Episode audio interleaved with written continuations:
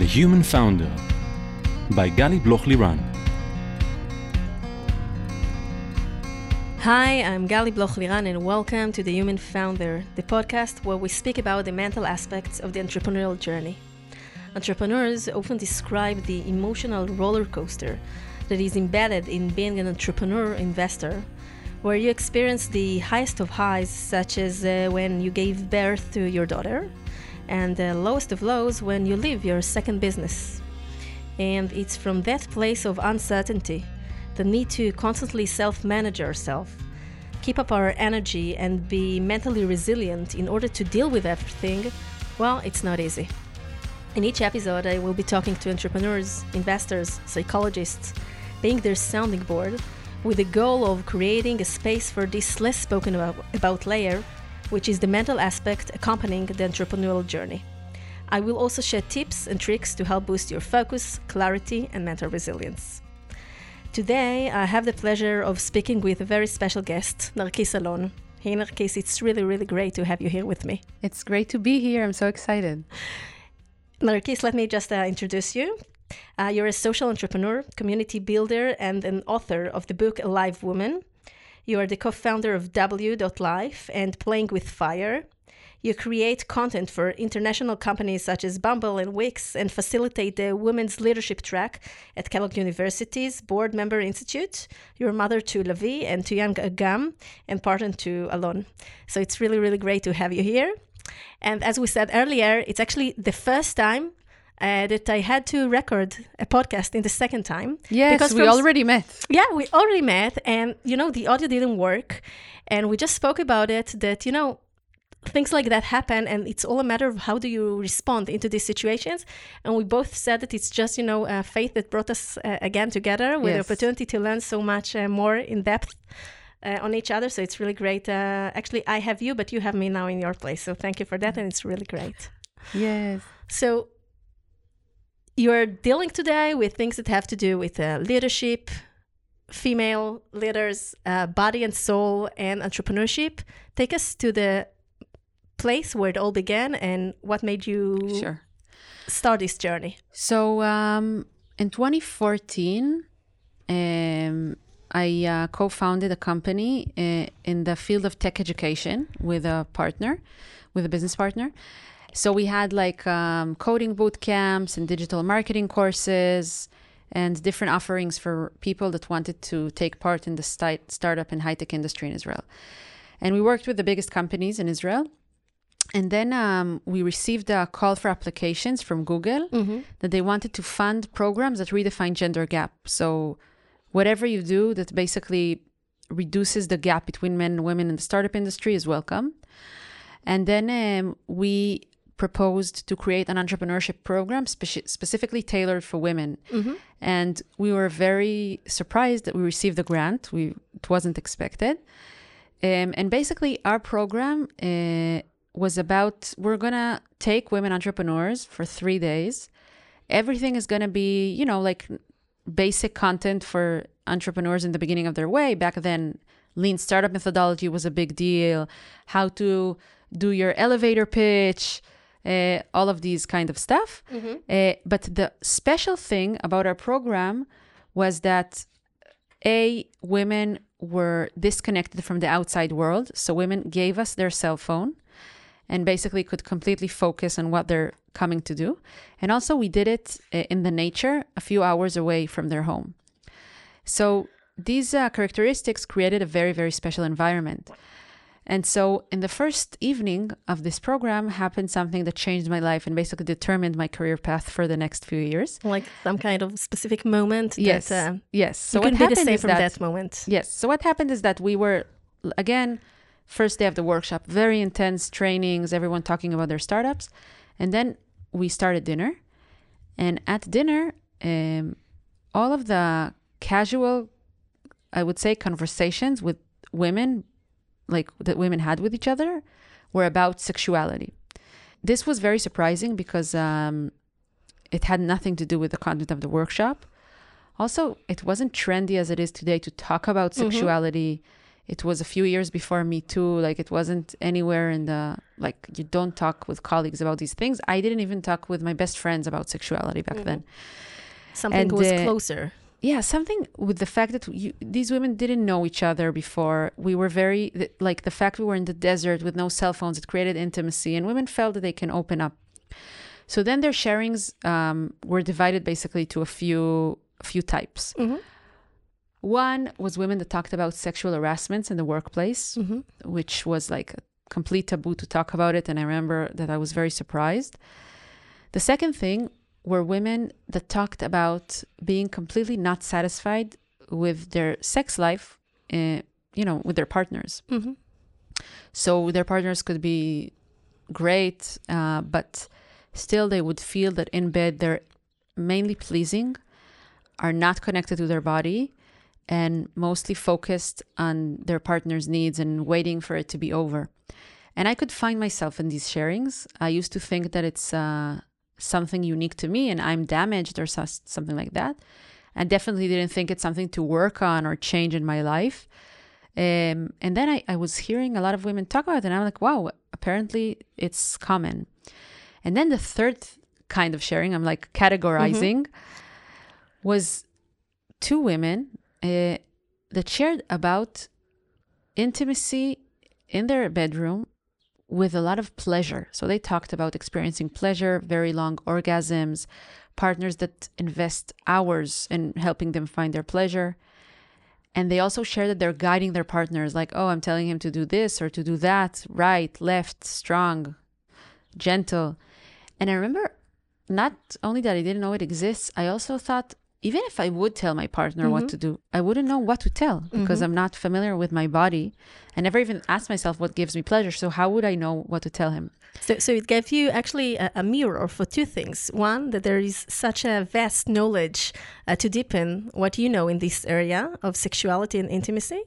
And the other thing is actually um, that it's okay and, and how, how beneficial it can be to you and to your partner as well uh, uh, to talk about it and to be more open about it. And it's actually okay to speak about those things which are usually taboo. It in its in our uh, in our strength and uh, opportunity to change it and to change the conversation and to make bring something new into it. But I, I have to add also, yes, and I also want to add that the main thing that it gave me was a reflection that these things that happen in the bedroom, we cannot separate them from what mm-hmm. happens in the boardroom, in the workplace. Like when I saw these women that are all really powerful, confident from the outside, and then when we talked about challenges they have and fears they have about opening a business, and what came to them to share was about their sexuality and places they feel disconnected from their body, it was the first time I thought, wow, there is a strong connection mm-hmm. Between our connection to our body and our ability to lead in the world, and we cannot really separate. And especially when women shared about sexual harassments in the workplace and how they freeze in certain situations, although they want to, you know, put a boundary, but they felt that they can't. This has a price and has a meaning um, and an impact in other areas uh, inside the workplace. So then, basically, after this workshop, after this retreat, we continued managing the community, but we ended up doing more and more of these retreats. And I also ended up opening a separate company. Me and my co founder separated ways. He continued with the elevation academy yeah, yeah, he's doing great, by the way, and he continued doing trainings for companies and for students, also in other countries in the world. They're already spread it. And I opened a separate company with Sarah Reif Schneider, uh, and we called it DoubleYou. Okay, we write it D O U B L E Y O U, like doubling yourself. Now we're like nine women that are partners and leading it together, but back then it was Sarah and me, and um, and we started, con- we continued, not started, we continued offering these entrepreneurship workshops, but now we said, okay, this thing with body and sexuality is a big deal, and we want to make it an integral part of the content. So including the like the business content and women empowerment, we also added that, and I took like my own path with my partner, which is now my husband, you know, I took it back home to the bedroom and I'm like, I want us to work on that. Like, I don't feel myself in bed, not with you, not with any man I ever, you know, spent time with. and I want to find how does it look like when I'm actually present in my intimacy and my when my pleasure is important. And we started walking this path with workshops and therapy, and it completely changed my life, not only with my partner and with my body, but also completely changed my career and my ability to dare and take risks. And basically, that's my life's work in the last few years. That's what that's what's my book about. That's my podcast, the group, DoubleYou. Like everything I do has to do with this connection. And and it's beautiful to emphasize that this connection, this deep connection that you talk about, is not a one way. It's it's a mutual one, and it impacts uh, one on the other. Yes. What happens at home and in our intimacy at home uh, impacts on what happens in our business life, and vice versa. Because you said you saw uh, those women, uh, those women that speak about what happens at home uh, versus how they are in the boardroom, but also on the on the other side that you saw the the impact that it can have on you, and you decided to make a change, and you brought it into your home, into your uh, uh, uh, relationship, and it made you evolve and you know see new horizons and, and take yourself to the next uh, step of your entrepreneurial journey and decide and make new decisions about the path uh, that you want to go. Yes, totally. So you started to work on it and you know you speak about it and something that comes to my mind is how do you deal with the embarrassment or mm-hmm. if you have an embarrassment of course, because of course. you know speaking you you said that it used to be a taboo and we know we we know it and we live in our you know our society and we see how it works but how do you overcome those uh, you know uh, uh, boundaries of is it okay to talk about those things and to share my yeah. experiences and is it uh, in a teaching way or is it too intimate and maybe she uses it in a way? So how do you overcome the yeah. embarrassment and and other feelings that are around it? I think it's a great question. I think one of the challenges we have as women um, a lot of us have um, a lot of knowledge and value to give also in the you know more of the soft worlds to talk about our emotions to talk about connecting to our body and these things can can offer a great value to the business world but I think many of us are afraid to share and put light to these issues because then we might not be taken seriously, you know? But since Me Too, I think we all saw, the world saw that you can't separate a human being into different pieces. Like it is one human being, you know, mm-hmm. with this body. Mm-hmm. You can't really put it in the shadow because then it will explode in your face. And one of the things that I feel bad about is that after Me Too, um, a lot of the things that happen in the workplace is that okay now from now on we're going to make sure employees are going to actually learn um, like a program. It's going to be mandatory. What is sexual misconduct? But first of all most of these programs it's like it looks like they were written by lawyers and not really people that are like therapists or people that know how to facilitate group processes. Because in the workplace if you want men and women to feel comfortable together you need to do um, a lot of processes about communication, how to do hard conversations, mm-hmm. to put boundaries in a healthy way, uh, to help people not to freeze, etc.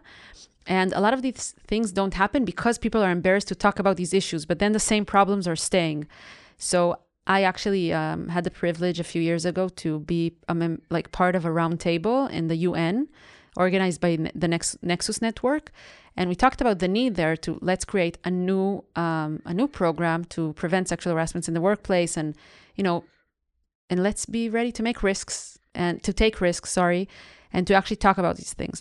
So, the first thing I wanted to say is like, I think as women or as leaders, as people, men and women, we should be able to like we need to overcome embarrassment and to allow to bring to the table these topics because I think it can really improve uh, and take the workplace to the next level. Mm-hmm. The second thing I want to say is personally about myself and my process. I went through the process of learning how to talk about it uh, publicly simultaneously with my book and with my work at DoubleYou. So, in our work at DoubleYou, um, what happened is that we used to do these uh, we are still doing this content. We call it the red tent. It's like what we're doing in the evening of the workshop. Explain for a second for those who are not familiar yeah so the red tent is like an ancient tradition of course not invented by us. Like thousands and thousands of years of like mm-hmm. women gatherings. Usually it's it's mostly familiar when women were like in their menstrual you know bleeding. They mm-hmm. would meet together gather in the red tent and read stories do sharings take care of each other But when, like a lot of people, when they say the red tent now, it addresses women's circles, basically. So it's like a place for you to share your emotions and to learn from each other and feel empowered and remember your power. So in DoubleYou, every evening we have a red tent in the retreat. And it also ta- it also addresses sexuality and working with your body. And, um, you know, there are different things there that are very exposed. And when we just started doing it, I think we were not educated enough. And, you know, in a startup, it's very, you know, the, Steve Jobs' commencement speech don't like, it's good to, uh, it's okay if they in the beginning uh, don't understand you or think you're crazy. It means you're doing something uh, right. You you're not supposed to wait till you're ready. But this is not exactly a good advice when you're working with, you know, um, people's psychological processes. Mhm, Emotions, yeah. Because when you work with people's uh, soul or traumas, you have a responsibility, and there are certain practices you need to make. And I think we were not um, careful enough in the beginning. We were just like doing what we thought, and stuff we experienced in other tantra workshops and stuff like that. And we were like, okay, you know, we're a startup. Worst case, we'll make mistakes, whatever. And it's only women. It's not men and women. It's not supposed to be so sensitive. But then there were certain women that got hurt because um, they were very triggered. It mm-hmm. was very emo- emotional content, very sensitive, and were very triggered. And we didn't have yet the right container to hold it. Mm-hmm. So most of the women, like 90% of the women, were very excited and thrilled, but 10% mm-hmm. not. And also another mistake we did, which has to do with the embarrassment, is like we kept it as a secret. So you would come to the workshop and you didn't know that it had to do with sexuality. You thought you're only going to be it's only going to be about entrepreneurship and we didn't mention in advance it's about the body we're like it's a surprise mm-hmm. we didn't do it from a bad intention we were just i think we were not aware to how much we were embarrassed and not equipped yet to talk about why it's important so that's how we dealt with it and how, how deep yeah it was Yeah, because you and weren't what- aware the of meaning? it. You're, I mean, weren't you're going to talk meaning. about it, Yeah. but you're not you, yet. You don't feel comfortable enough in order to share it and to Yeah. say it up front that this is part Yeah. of the and then people agenda. women can choose so um, we went through a process because we started receiving feedback and we're like okay we have to change it. We have to share with women what's happening and then they know what they choose. And in addition we realized throughout the way that we need to make sure women have the right tools to put boundaries to the know that they can choose not to enter the session to make it more delicate and sensitive. So it's not like because a lot of times in with more psychological safety Yes, inside exactly. it. To create a psychological safety, we also uh, started uh, consulting with a lot of um, people from the psychological, you know, people that Therapists. therapists. Yeah. we have a lot of therapists in our community, but I mean, like, actually, you know, How to build it in the right manner, how Yeah. to keep so this is an ongoing. Pro- so just to Ongoing, say yeah. before I go on, on on my person, it's an ongoing process that we're still very very learning and all the time iterating and it's an open discussion we have with our community Mm-hmm. every time after before our retreat we're improving it and after our retreat we're coming back with conclusions and we receive feedback which is exactly if i uh, hit a pause for a second which is, which is exactly the process that every founder goes through Yes. in its uh, bootstrap or uh, True, pre-seed seed stages now we have a with, huge responsibility with, with the users and your users and your uh, personas in that uh, Yeah. uh, manner is uh, women in different uh, Yeah. ages and different situations and you are learning them and you're True. irritating But we need to be very, very careful Mm-hmm. because, and we're all the time saying, DoubleYou is not a therapeutic process. Mm-hmm. It's a, a beautiful group process. It's a process to look at your entrepreneurial journey and to explore how do you look like as a woman leader. Mm-hmm. But it's not like anyone is coming as your teacher or your therapist, and we're very careful with that. Mhm. I think it's also something that from uh, v- many startups that I uh, coach and advise to in the areas of mental health, this is part of the discussion that they have with their users. Where is the liability? And Yes, is, uh, that's a uh, huge and thing. the uh, uh, responsibility of the uh, startup to its Yeah. users. And and first of all, it's always very important uh, to the, uh, the disclaimer in the terms and, and conditions that will be very accurate, but also the manner of you know the ownership of the users itself to understand their own responsibility in it. That when you choose to use this or to come to this facilitation or something it's it's on you. You're coming to get tools. You're coming to uh, learn new methods and new ways. But at the end it's a process that you need to manage and to own. And if you feel that you are in a more um, uh, uh, uh, risky area or more uh, uh, uh, mentally uh, less strong uh, situation, then you need to, to, to voice it and, and to learn how to ask for the right help in order to deal true. with it. That's true. But we also next like with what you say, we also have a responsibility as the women that are leading this process Definitely. first of all, in the screening that we're accepting. Um, accepting women that are ready for that but mm-hmm. also during the process to be very sensitive Yeah. to notice to see.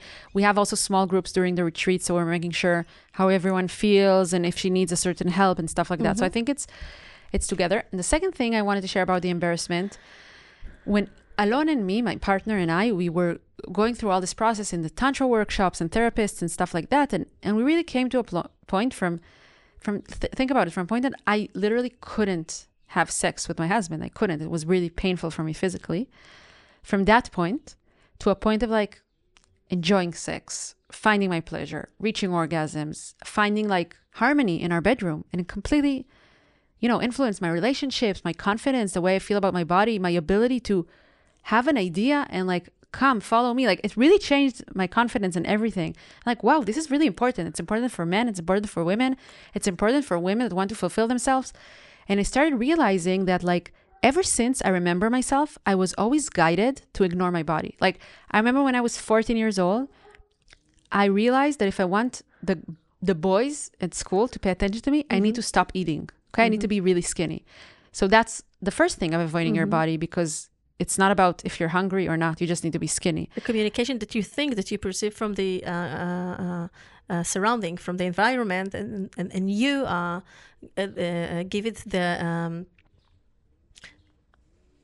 you give it a certain interpretation to what you think that is expected from you. Yeah, but it wasn't even interpretation. Like I was in a situation that I heard someone say about me when I was in uh, eighth grade that I don't look good, and I know what he meant was my body. Like that was the only thing I could change. You know. Of course, you could take it much worse, right? Like uh, girls are interfering now with their looks from and now with all the filters and everything, but we'll not go there. Anyway, and then later in the my first sexual experience with a guy, when I was like, it was all about what he wanted, his pace, the body, the pace of his body, like everything guided me to alienate my body from me. And there is something when you own back your connection with your body, it becomes your compass, you know? It mm-hmm. can tell you when to go left, when to go right, what to do, what not to do, when to leave a room. It's like literally, it's so much wisdom we have in our body. And I'm like, this is a story that is important to share. But I knew that the right way to share it for me mm-hmm. is not like a self help book of like, here's how you will learn about your sexuality. No, it needs to be sharing the personal story of what we went through so then other people can go to their own journey. And that was really scary because that means really opening and mm-hmm. exposing very intimate stuff. So you go later on to Friday dinner Yeah, with Alon's you- family. Yeah, and, exactly. And how do you behave no, there? so I, it's it was As- as a very metaphor. very very gradual process. So I mm-hmm. think if I would go from zero to hundred, it would be just like provocative, and mm-hmm. then it's not the point, right? I did it very very gradual. Uh, I started I started writing the book, but then that's easy because no one sees you writing, so it's personal. And simultaneously, I opened uh, I started a podcast and I opened a Facebook group that talks that's the Pesachkot Be'esh playing with fire. And it talks about like it's for men and women talks about sexuality relationships and then you make it more accessible and you all the time learn from that's exactly what you said about users. You all the time learn from your users. What can you talk about? What you, can you not? What triggers? What less triggers and i think with that i was able to like gradually grow into that role of like okay i can lead these conversations and um and i know i still have a few like much more steps to go because i want to be able to lead these conversations in very traditional workplaces. I want to be able to lead these conversations in the, in governments. I want, you know, I want it to become something that you can, uh, in a responsible, mature way, access. How, how do you think uh, uh, when we speak about work workplaces or uh, government or any workplaces? How do you think we help to create a, a safer uh, uh, environment to speak about those things? Not necessarily to go to the directions of sexual harassment because this is the bad side Yeah. of the equation, but for the you know positive side of the equation Yeah. that accept our body and accept Yeah. our sexuality and accept the intimacy both for men and women and how can we start to help uh, to lead such a conversation in a place which is not you know the common and natural thing to do and there are many boundaries there and this is a very very Yeah. uh, uh, uh, delicate uh, boundary to cross so how would you address it First of all, I think it's a great question. And I always say that we teach people sexual misconduct, but we need to teach sexual conduct. Like, how do we address the fact that we have a body, okay, that now I'm going to sit in a room, I'm a woman, he's a man.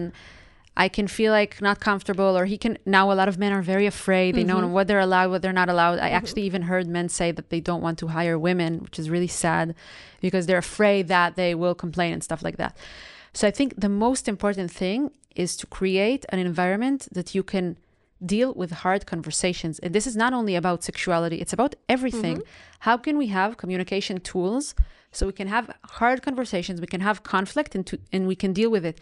I think once you have, like you said, the psychological safety to make hard conversations, you can have really, really strong teams because then things are not like boiling inside until they explode. So this is one thing. The second I I just want to emphasize about it. One of the things that uh, I see with the founders I coach, um, especially if they are younger, uh, is that they are not strong enough in how to make a hard uh, uh, conversation, difficult uh, conversations, and sometimes they are uh, perceived as less assertive or less leaders because they it's difficult for them to say the no or to say you should do like this or it's not okay what you're doing, but not from the point of being bad or trying to make you small. I'm taking it into this direction, but from the moment, from the place that I want to empower you and I want to help and I want to show this is the direction we should go. It's not necessarily what you choose. It's not necessarily now what you agree with, but this is the decision that I'm as a leader or as a CEO I got. It's on my shoulders, my responsibility. This is where I need to go,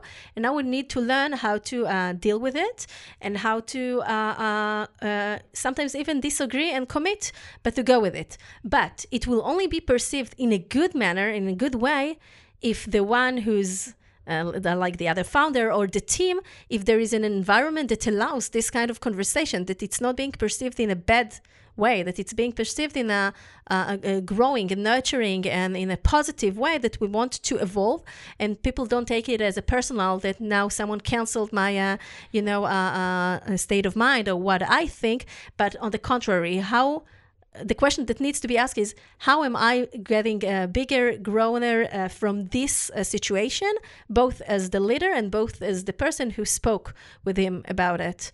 And this is a muscle that we all need to learn how to strengthen because it's not easy to to lead the difficult conversations. Yes. Um, you know, and I'll add into what you said because I agree with every word you said, but I want to add that even if some people take it personally, because you can't control what mm-hmm. other people from your mm-hmm. team feel, it's okay. You know what I mean? As long as you're respecting people and nothing is uh, done in a, you know, offensive mm-hmm. manner, Yeah. there will always be people that get offended. We just talked about it before we Right. started the recording, Yeah. right? We Yeah. also get hurt. It's Right. fine. It's part of life to get hurt.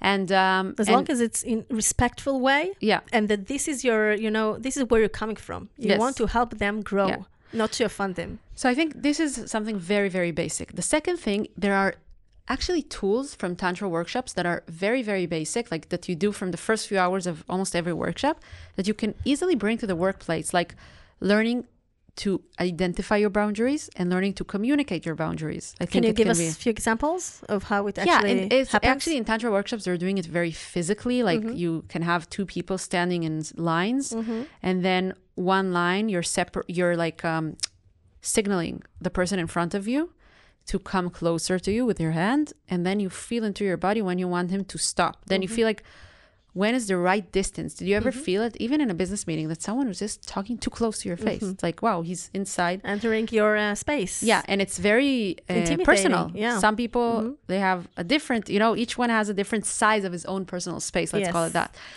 So um, I think there there's like in the, way they do it there is that you're signaling and you're feeding it into your body. And there's also uh, a way. It's, there's a really strong um, methodology called the wheel of consent, and um, basically it teaches you when is something in your dynamic and all, it- it's relevant to all of your relationships it's relevant to the bedroom to the boardroom to everything when something in your dynamic is a is a dynamic of taking someone is taking from you something for his for his benefit which is not bad if it's in your mm-hmm. boundaries it's just mm-hmm. what it is. Mm-hmm. and when, when is someone giving to you? Did it ever happen to you that someone was like what? I'm trying to help you. And you're like wow it doesn't feel like that. It's actually not what i want. Like i don't know maybe someone gives you advice when you didn't ask for an advice, but it's actually a very judgmental piece of text. Many times it happens to people with their parents or with their partners, right? So they give you like a speech about why you're doing the biggest mistake of your life and they're preaching you how you should behave when like you don't disagree with them and you also you're not ready for this kind of conversation. You're like putting a boundary. I don't want to talk about it. And it's like well i'm just helping you. That person is not really helping you. They're like taking something from you. So there's something with that methodology once you learn the language. We can't it's it's a bit challenging to explain it um, when we can't when, when there's no video and we're only in a podcast uh, but there's something really interesting in a methodology like the wheel of consent to bring it to the workplace actually and you start you know understanding where you are with different people and you can really improve relationships and put boundaries and feel more comfortable with people. There's a tool to help you make decisions from your body you know identify like when is my body saying yes? When is my body saying no? Because you want to make decisions from your body from your brain from your emotions not only from one center. Mm-hmm. so there's also like you know tools of posture you know like the famous ted talk of like how do you do power poses? Like there are different things that we can uh, approach even like different methodologies that help you feel more more power in your body you know feel more vibrant and alive so you can be more productive also in your work. So diff- different tools that can be adapted to the workplace that can teach us this like you know positive conduct Mm-hmm. and help the fact we have a physical body be an advantage and not something we need to like run away from So there are many similarities, um, which are actually lies on uh, communication, on a stronger way of communication, whether it is with our spouses at home, whether it is with your co-founders, uh, team leaders, uh, uh, investors. or with your own body it's Oh, also communication definitely. with yourself F- f- first and for all, f- with ourselves. yeah with our body, with our mind, with our belly, with our uh, intuition, to learn how to listen uh, to all those places. And in mindfulness, we know the body scan that actually helps us to go from head to toes. I just had um, an it reminded me that you know when we learned english in school there was the song head, Head, shoulders, knees, and toes, knees and toes. exactly, Yeah. exactly. So, for, so uh, uh, just go back to this. Uh, yeah, I know it from my boys. Um, so this week, for example, I had an offsite with uh, six founders of a very big company, and you know they were so stressed in the beginning that before I even uh, opened my mouth and started to talk, I just. Uh, put him on the floor. It was really, really nice. It was in a beautiful place with a sea view, and we sat on a tree house. On a tree house, it was really, really uh, unique uh, on the floor. And uh, you know, we just started uh, with a, a few minutes of uh, mindfulness and the body scan from head to toes to try to listen to our body and what happens uh, in different areas and uh, uh, places in our body Yeah, and to try to um, fine tune ourselves and how do we feel in order to get into a better a starting point of a conversation, even of a conflict, you know, that we need to discuss, but to learn to listen in different layers uh, of our body. And it really, really made a, a difference in the uh, voice of tone that we began with, with the uh, uh, willing to solve the situation and not necessarily to be very uh, negative or uh, about it. So uh, there are many, many practices in order to enable better communication, first of all, with ourselves and also with our surroundings. So tell me, so you spoke about how how you think we can bring uh, uh, this dialogue into uh, uh, into the business world.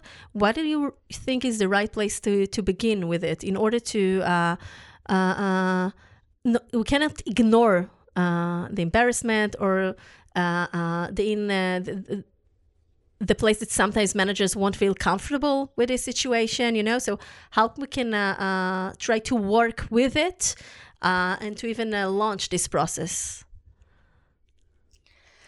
Um, first of all, we need workplaces with um, leaders that are really committed to this topic because bringing like a one time workshop cannot change reality. I have a lot of experience working with startups and companies, and if it's like a one time workshop for entertainment and it's not taken seriously, so it's like better to, you know, just send your work like employees to I don't know, a fun day in the beach or something. It doesn't have any meaning. So, first of all, you need committed leaders to the topic, and you need people that will be sponsors of these uh, processes in house so it can actually be practiced in a weekly manner. And then I think it's just, you know, bringing professionals and being, it's all about being educated. So, you're like, you know, you decide what are the things that I want to add to my workplace that are relevant. How can I get this education? And, um, and you make it, it's like I don't remember. Um, was it BlackRock that he talks about transparency? That they're doing like full on transparency and very strong feedback to each other. And that's like, that's their culture. That's the way it works. Or in, in Netflix, it's uh, freedom and responsibility. So everything is in that lens. So, Mhm. I mean, in the same way, um, culture, it's like the sentence culture is eating strategy for Mhm. breakfast. So, once you decide that part of your culture is like, I care about the relationships between men and women in my company, I care about my company to be a place with psychologi- psychological safety. And I want people to feel connected to their body, to feel safe to be inside a human body. And I want to give them the tools so their body can become their ally and something that helps them to be more productive at work and, and more satisfied in work instead of something, instead of the opposite, basically. Then the sky's the limit. There are so there are infinite tools that you can add to a workplace that is committed like that. So it's just about choosing. You know what I mean? Yeah, and I think it's also very important to add, and maybe you'll, elaborate about it. We're coming from the women perspective because, first of all, we're women, and DoubleYou is about women, etc. But it's not true just for women. And everything that you uh, share now from experiences, so of course it comes, it has its expression uh, for women, but also men, which maybe let's speak about it. Uh, but how how do you find those topics that you speak about uh, uh, with men? They're they're difficult. They have their expectations, and like there is a very you know men should be uh, strong. Men should be uh, with a certain. Uh, certain way that we perceive them and also as leaders sometimes there's an expectation of how they should be how they act so how do you find and sometimes it's more difficult to t- to talk to them about those topic because uh, uh, there is so much ego and uh, and such a um, maybe even pretenders that they feel that they need to act according to. Um, so how do you find it while talking also with men about those situations and how can they also help lead the change? So first of all, I want to say that um, I don't think that men have more ego than women, but uh, I agree with you that they do have um, like society's expectations of men many times is that they don't be vulnerable, don't talk about their emotions, and and that's a shame because I think men are also paying a very very big price on patriarchy. Um, so the first time I actually started listening to men was um, when I opened that group, Playing with Fire. I think without noticing, uh, a lot of my life, because I was trying to, you know, find my voice, my passion, my pleasure, I was putting men on mute, you know? I was like, I don't want to be influenced by this male voice that I'm trying to impress all the time. And without noticing, I was putting all men in the world on mute, which is including, you know, my colleagues, great men, my partner, my three year old child, you know?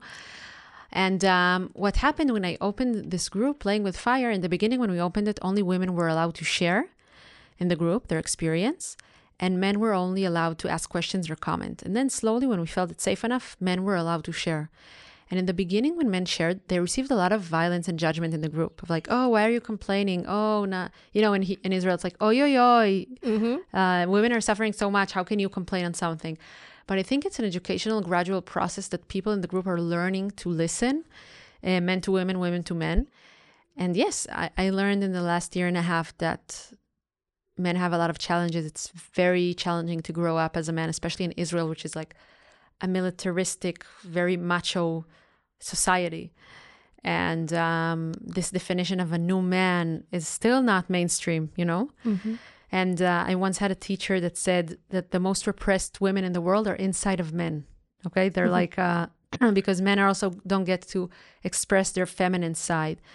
So one of the things that I think are very, very healing, and that's what we're doing in playing with fire in the group, is that to have shared circles that men listen to women, women listen to men, and then it's changing slowly our perspective, and then it's translated into the way we behave to each other and the opportunities we give each other, and it builds a new society eventually.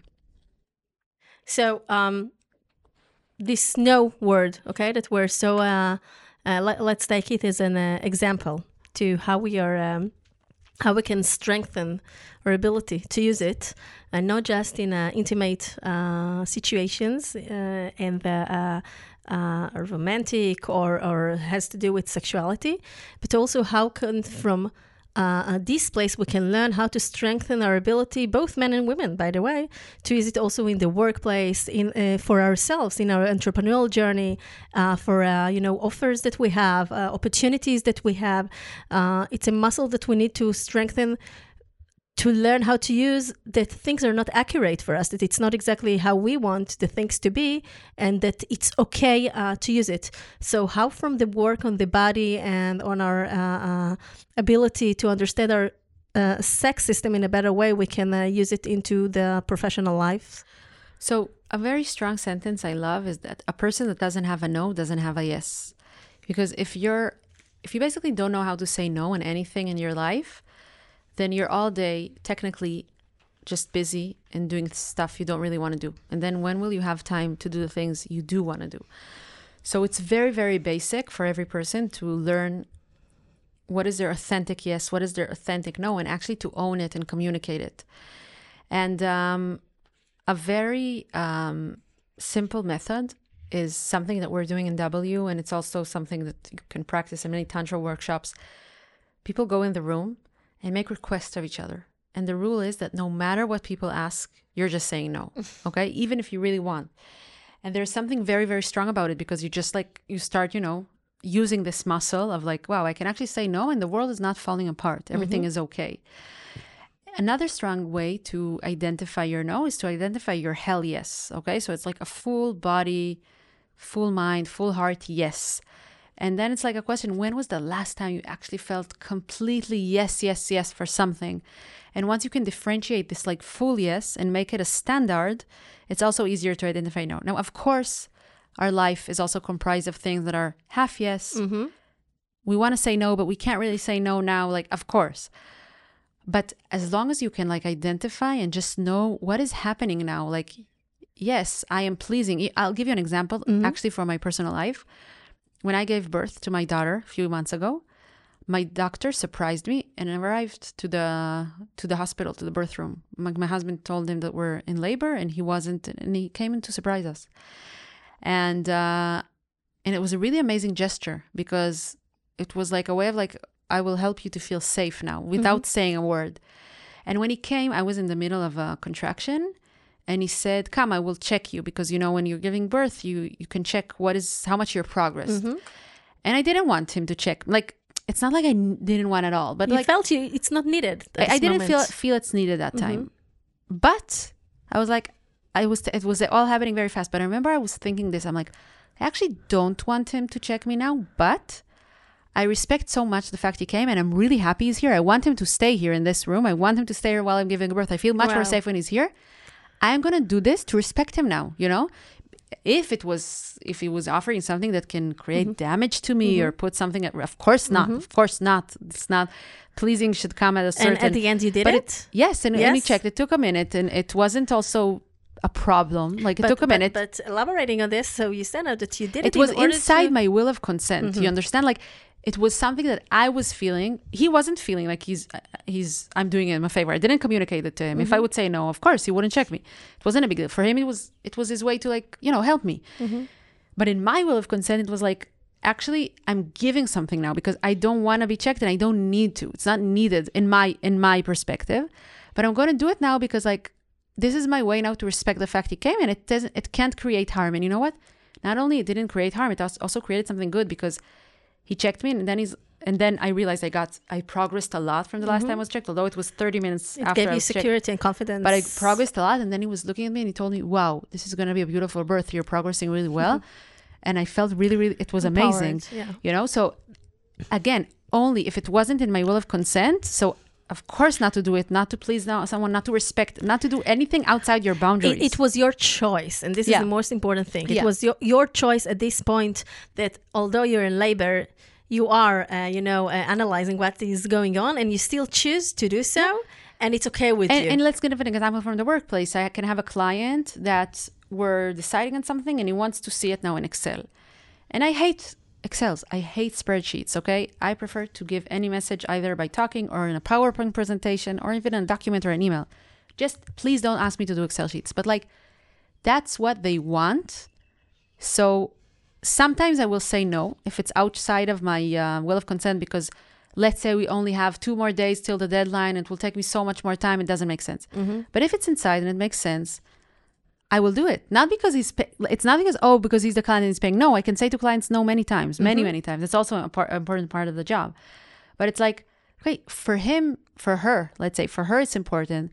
So I'm going to do now in Excel. I'm going to, I'm going to, you know, I'm going to not say a no to that. Mm-hmm. But even just knowing that, you know, identifying I am now inside my wheel of consent, but I'm doing something that is I don't want to do, but I'm doing it anyway for that person, it's good. It's good because if you don't identify it to yourself and you're just doing, you start to have resentment. And you're mm-hmm. like, why? And then you start telling stories. I don't really like my job. I don't really like this client, but it's just stories many times, you know? So, so, so what you're saying actually is, first of all, we need to define what is a yes for us and Yeah. what is a no for us, and in the middle, we have to identify why we're now considering maybe doing something, and Even though it's not a full yeah, yes. it's not a full yes, Yeah. and if we find the reasons that are that we feel good with in order to go ahead and Yeah. do it then that's okay eh, because we, the other thing that we want to balance is our ability for a flexibility for mental flexibility and how we are actually um, uh, gave space to other things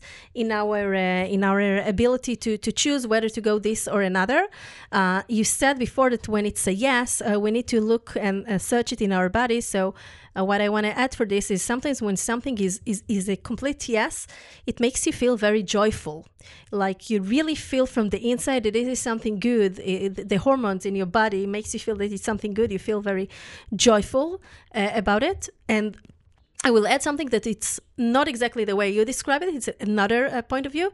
But sometimes for founders, for example, and also for uh, uh, investors, when it's a yes, it's a yes. When it's a no, it's a no. And when it's a maybe, then it's a no. Like if you don't have the full conviction, Mm-hmm. Of course, not only to uh, investors. when you don't have the full course. conviction that it's a yes, then it's a no. And in this area, you know, there's no right and wrong. There is no uh, definitive way to decide. They are, we are now describing different methods Yeah. of how we can make decisions and ho- how we can use our body in a better way in order to help us make the decisions. At the end, it's very personal for each one, uh, but we need to learn also those uh, uh, uh, aspects of uh, you know different ways of looking about situations in order to choose what is the right way uh, for us. I just want to I just want to first of all give credit to Betty Martin, which she created the wheel of consent and just to say something about that that I think what's amazing about this model of the wheel of consent that just sh- shows it's a great example of the fact that human relationships are complicated, okay? Sometimes you give, sometimes you receive, sometimes you take, sometimes you give um, and it's it's great. Like that's the way it should be. Also in the bed, it should be like that. Sometimes you want to take. Like sometimes I want to touch my husband in the way I want to touch him, not in the way that will make him feel good. And of course, it- if it makes him feel bad, he will tell me it's crossing his boundary. Of course, I will stop. But sometimes he will allow me, for example, to. I, I really love touching his cheek, and it's, he's not a big fan of that. He doesn't hate it, but he's not a big fan. But like he will allow me. It's called mm-hmm. allowing because mm-hmm. he knows it gives me pleasure. So mm-hmm. sometimes he will allow me. So I think in the same way, not in terms of like sexuality, we do that with people we mm-hmm. love. Sometimes you know your uh, your spouse will call you to tell you a story and you hate talking about this topic and you don't want and you're bored but you listen mm-hmm. because you want to allow him you mm-hmm. know so it's just the same and, and it's just important to identify okay now i'm allowing and then this honesty and transparency really helps Definitely. It's your choice to allow. And actually, everything we spoke about is how we use uh, uh, uh, and learn our body as another method of communication. yes um, um, whether it is a- at home in our intimate life, whether it is at work in our professional life, and how we can use a deeper layer of our communication and understanding what do we feel, uh, where are we going to, what do we want, what do, what do we don't want, uh, through uh, uh, indicators uh, that we have uh, through our body. Well, Narkis, there are so many things that we can, you know, continue and elaborate. But I think uh, I, I took so many things from our conversation, this one and the previous one, and I'm so uh, this one was better i'm so happy that uh, it wasn't recorded last time well, I think the other one was great as well, and you know, it's just another. Uh, it's just additional option to deeper, you know, Yeah. the, the understanding of things. So thank you so much, uh, actually, for hosting me today in uh, in your beautiful place. Uh, people that want to get in touch with you, where can they find you and the different uh, various activities that you lead? So I have a website, narkisalon.com, uh, N-A-R-K-I-S-A-L-O-N.com. From there, you can also order my book and you can listen to the podcast and you can join the group and you can read about DoubleYou and write me to work with me. Like everything is basically there. Amazing. So thanks again uh, for joining me this morning. To our lovely listeners, we're going to hit pause until the next episode. That's also something I say to the entrepreneurs in my clinic in between sessions. If you enjoyed listening, I would really appreciate it if you share the podcast with people who you think would derive value from it. Feel free to visit my website at galiblochliran.com and leave your details there if you wish to be updated and learn more about the mental aspects of the entrepreneurial journey. Also, be sure to follow my podcast, The Human Founder, in any of your podcast apps. Let's hit pause. Till next time.